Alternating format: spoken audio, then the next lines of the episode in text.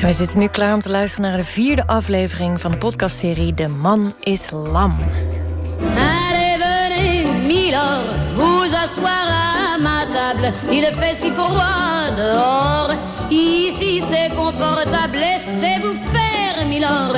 Et prenez bien vos aises, vos peines sur mon cœur.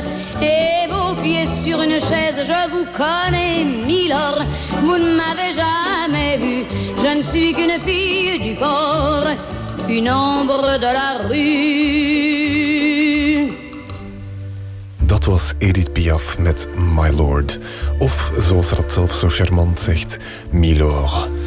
Hallo en welkom bij de Man Islam podcast. Mijn naam is Rashid Elkawi en ik zal u de komende afleveringen meenemen op mijn zoektocht naar man zijn en naar wat dat in godsnaam hoort te betekenen. In de vorige aflevering zat ik neer met professionals op bedgebied. Deze aflevering is het tijd voor wat anders. In deze podcast focussen we ons op mannen, voornamelijk met mannen. Maar het is op deze manier makkelijk om in het territorium van de blinde vlek te belanden. Daarom heb ik het vandaag met vrouwen over mannen. Ik sprak Jo, Annie, Magdalena en Rita. Vrouwen wiens jeugdigheid minder betrekking heeft op hun lichaam, maar des te meer op hun geest. We spraken over hoe het vroeger was, over hoe het nu is en voornamelijk over hun eigen ervaringen met mannen. Voor de Nederlandse luisteraars een kleine waarschuwing. Dit is een aflevering in den Vlaamse taal. Voor Gallicisme en andere Vlaamsisme kan u contact opnemen met VPRO Nooit meer slapen. Maar allereerst, dames, kunnen jullie mij jullie ideale man omschrijven?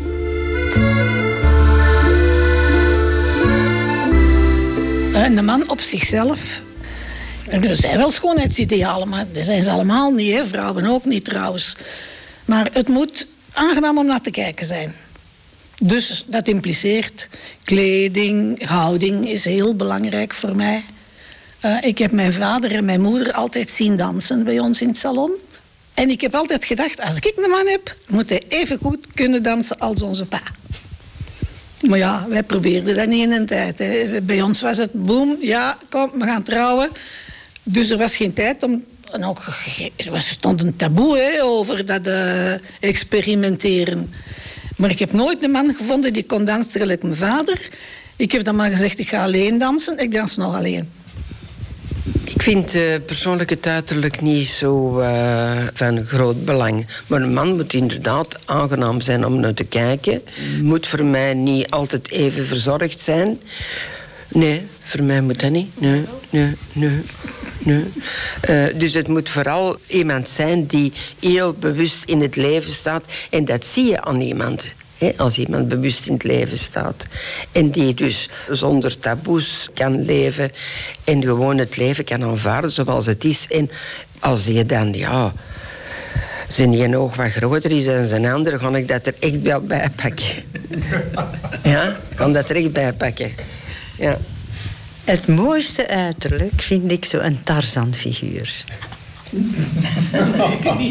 Wat ik zeker nu niet heb, is een Tarzan-figuur. Maar het is oké, hè? Nee, ik vind het uiterlijk en ook de kledij heel belangrijk. Zeker de dag van vandaag. Want tenslotte is het uiterlijke een beetje de uitdrukking van het innerlijke.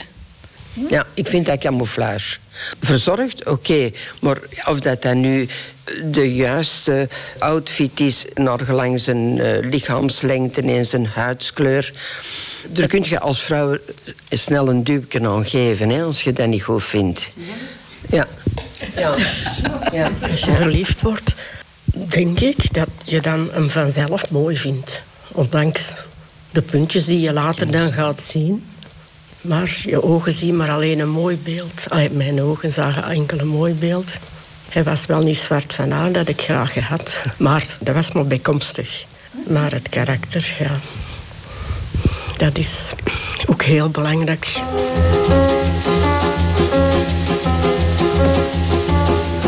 Je suis le poinçonneur des lilas, le gars qu'on croise et qu'on ne regarde pas. Y a pas de soleil sous la terre, drôle de croisière. Pour tuer l'ennui, j'ai dans ma veste les extraits du Reader Digest.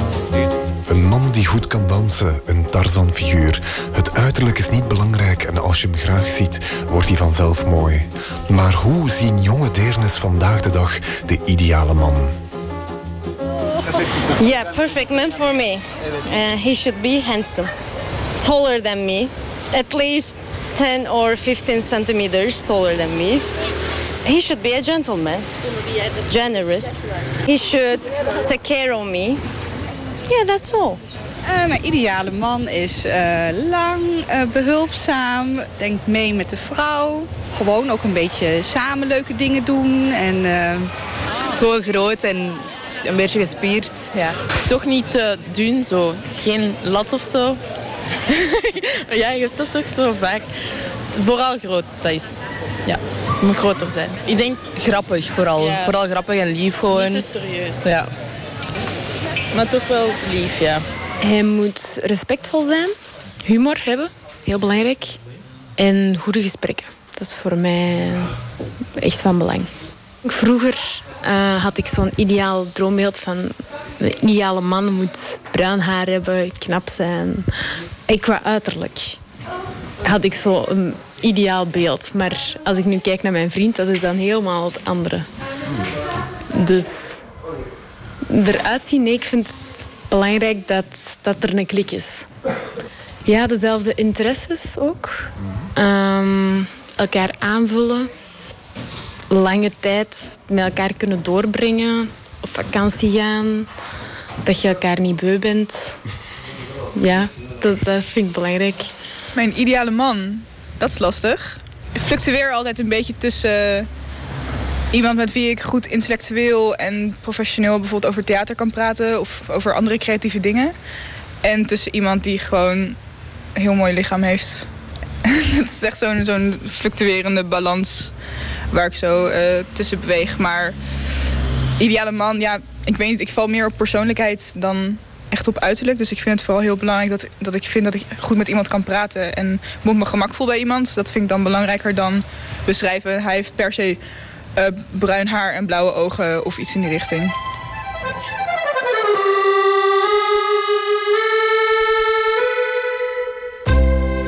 En zo gaan de verlanglijstjes nog wel even door.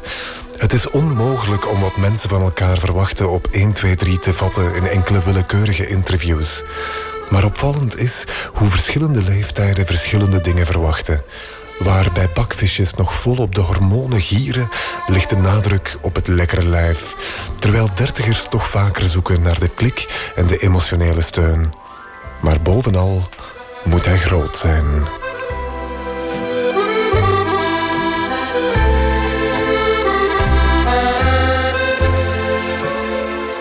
Het is juist, ik herinner me nog een dansing in Antwerpen in de tijd de wijnkelder. En daar kwamen dus allemaal zeekapiteinen in de tijd. Als er dus een schip van Argentinië kwam, dat waren allemaal heel knappe mannen. En dat wisten wij. En dan zeiden we van, oké, okay, dan gaan die Argentijnse mannen dansen. En dan konden we die tango's dansen, waar dat ons mannen niet konden. En dat vonden we fantastisch. Ja, voor dat temperament van die mannen mee te maken. Voor ermee te kunnen dansen tot de gat in de nacht. Een gat in de nacht dansen, dat zat er bij mij niet in. Ja, nee? Wij waren heel streng gehouden, de meisjes. De jongens die konden doen wat ze wouden. Maar de meisjes niet. Uh, voordat ik getrouwd ben, ben ik vier keer naar een bal geweest. C'est toe. En om vijf uur s morgens stond mijn vader met een auto te wachten tegen dat ik buiten kwam. En dat was dan de zaterdagavond en de zondag begon dan de mis. De mis van half zes hier op Dossenmarkt. En dan zaten we dan te slapen. Maar ja, kijk, zo was het. Dus ik heb, ik heb vier bals gezien en dat was een keer een verjaardagsfeestje. Maar altijd in eigen kring. Altijd in eigen kring. Wij moesten niet denken van, van, van, van, ja, van ergens ontsnappen of, of ja, mooie mannen achterna. Nee. Uh, dat, dat, dat was het niet. En je ziet, je vindt dat toch, hè. Ja, bon. Je hebt een mooie man ontdekt. Ja.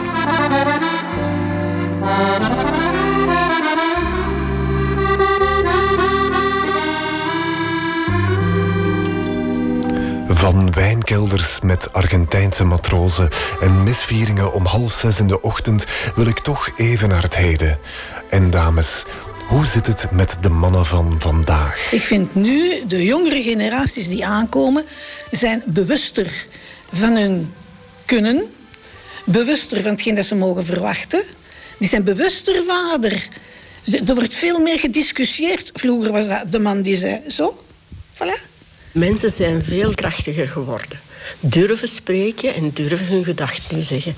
Als ik naar mijn familie kijk, hè, Sinds de emancipatie van de vrouw is er veel veranderd. En nu loopt het soms nog een beetje verkeerd dat de man zich niet helemaal kan emanciperen. Want van de man wordt soms in mijn ogen wel wat te veel verwacht in heel het gezinsgebeuren. Ik denk dat relaties nu dat die inderdaad beter zijn dan de goede relaties vroeger. In deze zin dat er meer gesproken wordt, waar vroeger veel meer moest gewerkt worden. Maar ik heb onlangs iemand horen zeggen: ik beklaag het dat er zoveel scheidingen zijn tegenwoordig. Dan de stelling: men gaat nu uiteen als de liefde begint. En dat vond ik een zeer bijzondere uitspraak. Liefde is een werkwoord. En ik denk dat dat werkelijk waar is. En ik denk dat het geluk van een, van een relatie afhangt van de intensiteit van het werk. Dat je er wil insteken, de investering. En ik geloof daar heel sterk. Des fois, ma grand-mère sort un rôti de son sac à main. Elle fait toujours en sorte que tout le monde mange à trois fois sa faim. Elle peut vivre six mois sans mettre le pied dans un magasin. Parce que c'est pas donné. Un franc est un franc, même si tu changes la monnaie. J'ai cru que mes grands-parents étaient radins, mais c'est pas vraiment vrai. C'est juste qu'ils ont connu la vraie merde et qu'ils ont peur de manquer. À l'âge où je goûtais mon premier Mac Floridin, mon grand-père braconnait des lapins dans le jardin du noble du coin. De dames waren verbazingwekkend positief over de man vandaag. Maar wat vinden de jonge dames van nu? Waar zouden mannen nog aan moeten werken? Mannen denken toch wel heel veel aan hunzelf, vind ik. dus uh, ja, een eigen ding. En uh, ja, zo van... Uh, ja, een beetje moeilijk om te omschrijven. Maar ja, ze mogen wel toegankelijker zijn naar de vrouw, vind ik. Dat ze zo opdringerig zijn soms. Ja. Dat vind ik wel irritant. Zo stoer willen doen, zo iets te stoer voor hun vrienden. Ja, dat is vooral. ik vind mannelijkheid altijd zo'n uh, moeilijk concept. Omdat het eigenlijk heel erg in onze maatschappij heel erg fragiel is. En er is een bepaald soort... Hoe puberjongens zich gedragen, is dat zo opboksen tegen elkaar... en een soort van opleven naar een ideaal dat eigenlijk niet bestaat. De ideale man die een goede baan heeft, een goed lichaam, er goed uitziet... Uh, en dus succesvol is en rijk. Maar niet iedereen is zo en iedereen is anders. En niet iedereen is die advocaat in dat mooie pak met een goed betaalde baan. Iemand die goed met zijn handen kan werken en durft vies te worden... is, vind ik niet per se minder een man daardoor bijvoorbeeld. Wacht eens even. Ik dacht dat klassieke mannelijkheid net met je handen werken was. Ik zie vaders de zaterdag met de kindervatuur naar de wasseret... terwijl de mama het appartement opkuist. Dat was in onze tijd niet denkbaar. Als ik binnenkom bij mijn ex-schoonzonen, waarop ik met heel goede voet sta, eh, dan zie ik die strijken. En dat die, die stapeltjes die zijn even mooi gemaakt alsof ik die maakte. Dus ik heb daar respect voor. Want het is een, moet een aanpassing zijn. Hè? Want sommigen kunnen er daarmee om. Maar bij de meesten zit dat autoritaire zodanig ingeworteld in de genen dat die niet op 10, 20 jaar kunnen veranderen. Hè. Dat is onmogelijk. We hebben 2000 jaar moeten, moeten wachten op dat vrouwen hun mond konden open doen en, en problemen in het openbaar mochten komen. Angela Merkel, die had 2000 jaar vroeger moeten komen. Ik vind dat de emancipatie, dat is goed. Hè. Dat is een heel goed uitgangspunt geweest en daar is heel hard aan gewerkt. Maar er zijn ook zware nevenwerkingen aan. En wat ziet men nu? Onderdanige mannen die veel meer geprofileerd worden in die onderdanigheid. En men ziet mannen die zich overmatig, nog eens een keer als een reactie op die emancipatie, op die groei van dat karakter van die vrouw, of de uiting van dat karakter, die zich daar nog eens gaan bovenzetten. En men krijgt bij sommige mensen nog eens een extra macho gedrag. Dat is wat ik waarneem. Of het juist is, dat is iets anders. Dus als ik het goed begrijp, zijn sommige mannen meer macho geworden om te compenseren voor de emanciperende vrouw en hebben andere mannen zich gewenteld in onderdanigheid. Macho's zijn ubermachos geworden en pantoffels zijn nog meer gaan pantoffelen. Maar wat verkiezen jullie nu zelf? Een man die de touwen in handen neemt of één die zich laat leiden? De man neemt het initiatief. En zoveel jaren later zit dat er nog altijd in. Dat ik verwacht dat hij het initiatief neemt. Dat ik het aangenaamste ook vind. Maar hij vindt dat niet meer zo aangenaam. Hij vraagt ook al eens van... wanneer ga jij nu eens een initiatief nemen en zeggen wat je graag wil? Ja. En ik probeer dat nu. In mijn leven tegenspreken, dus wat ik ervaren heb, omdat ik dus weinig mannelijke mannen gekozen heb, heb ik altijd wel initiatief genomen. En mannen volgen wel. Volgen graag, ja. Ja, die volgen, volgen heel gemakkelijk. D'abord, d'abord, il y a l'aîné, lui qui est comme un melon, lui qui a un gros nez, lui qui sait plus son nom, monsieur, tellement qu'il boit, tellement qu'il a bu, qui fait rien de ses dix doigts, et lui qui n'en peut plus, lui qui est complètement cuit, et qui se prend pour le roi, qui se saoule toutes les nuits avec du mauvais vin, mais qu'on retrouve matin dans l'église qui roupille, raide comme une saillie, blanc comme un cierge de Pâques.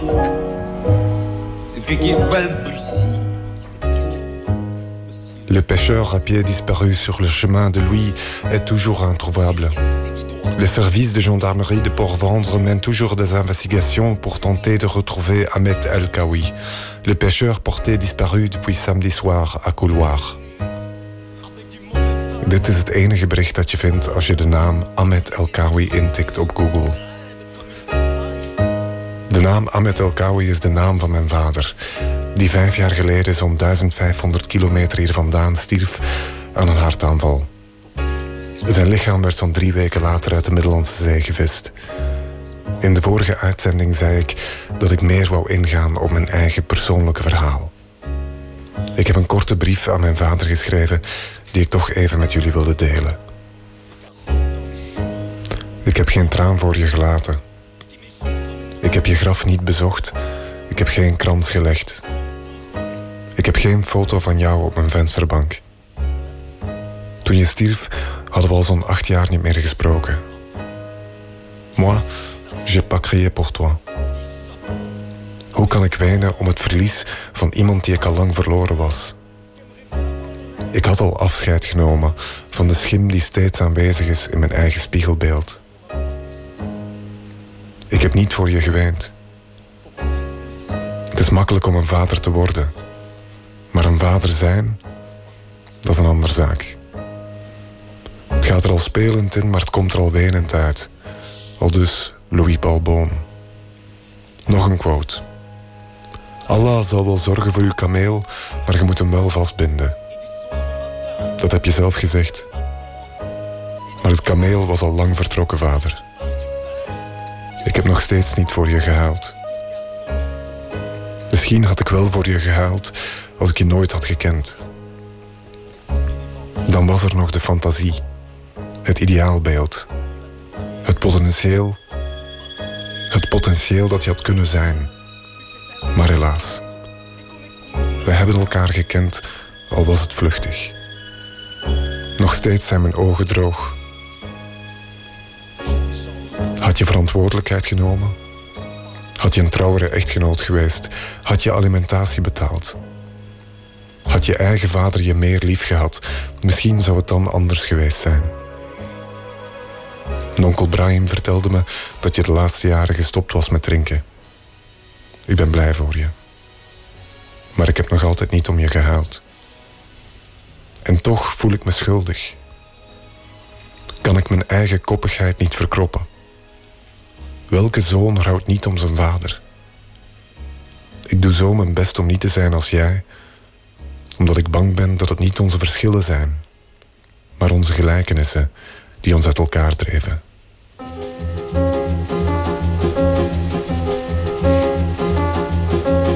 Deze podcast werd geschreven en verteld door Rashid Elkawi en geëdit door Chris Humé.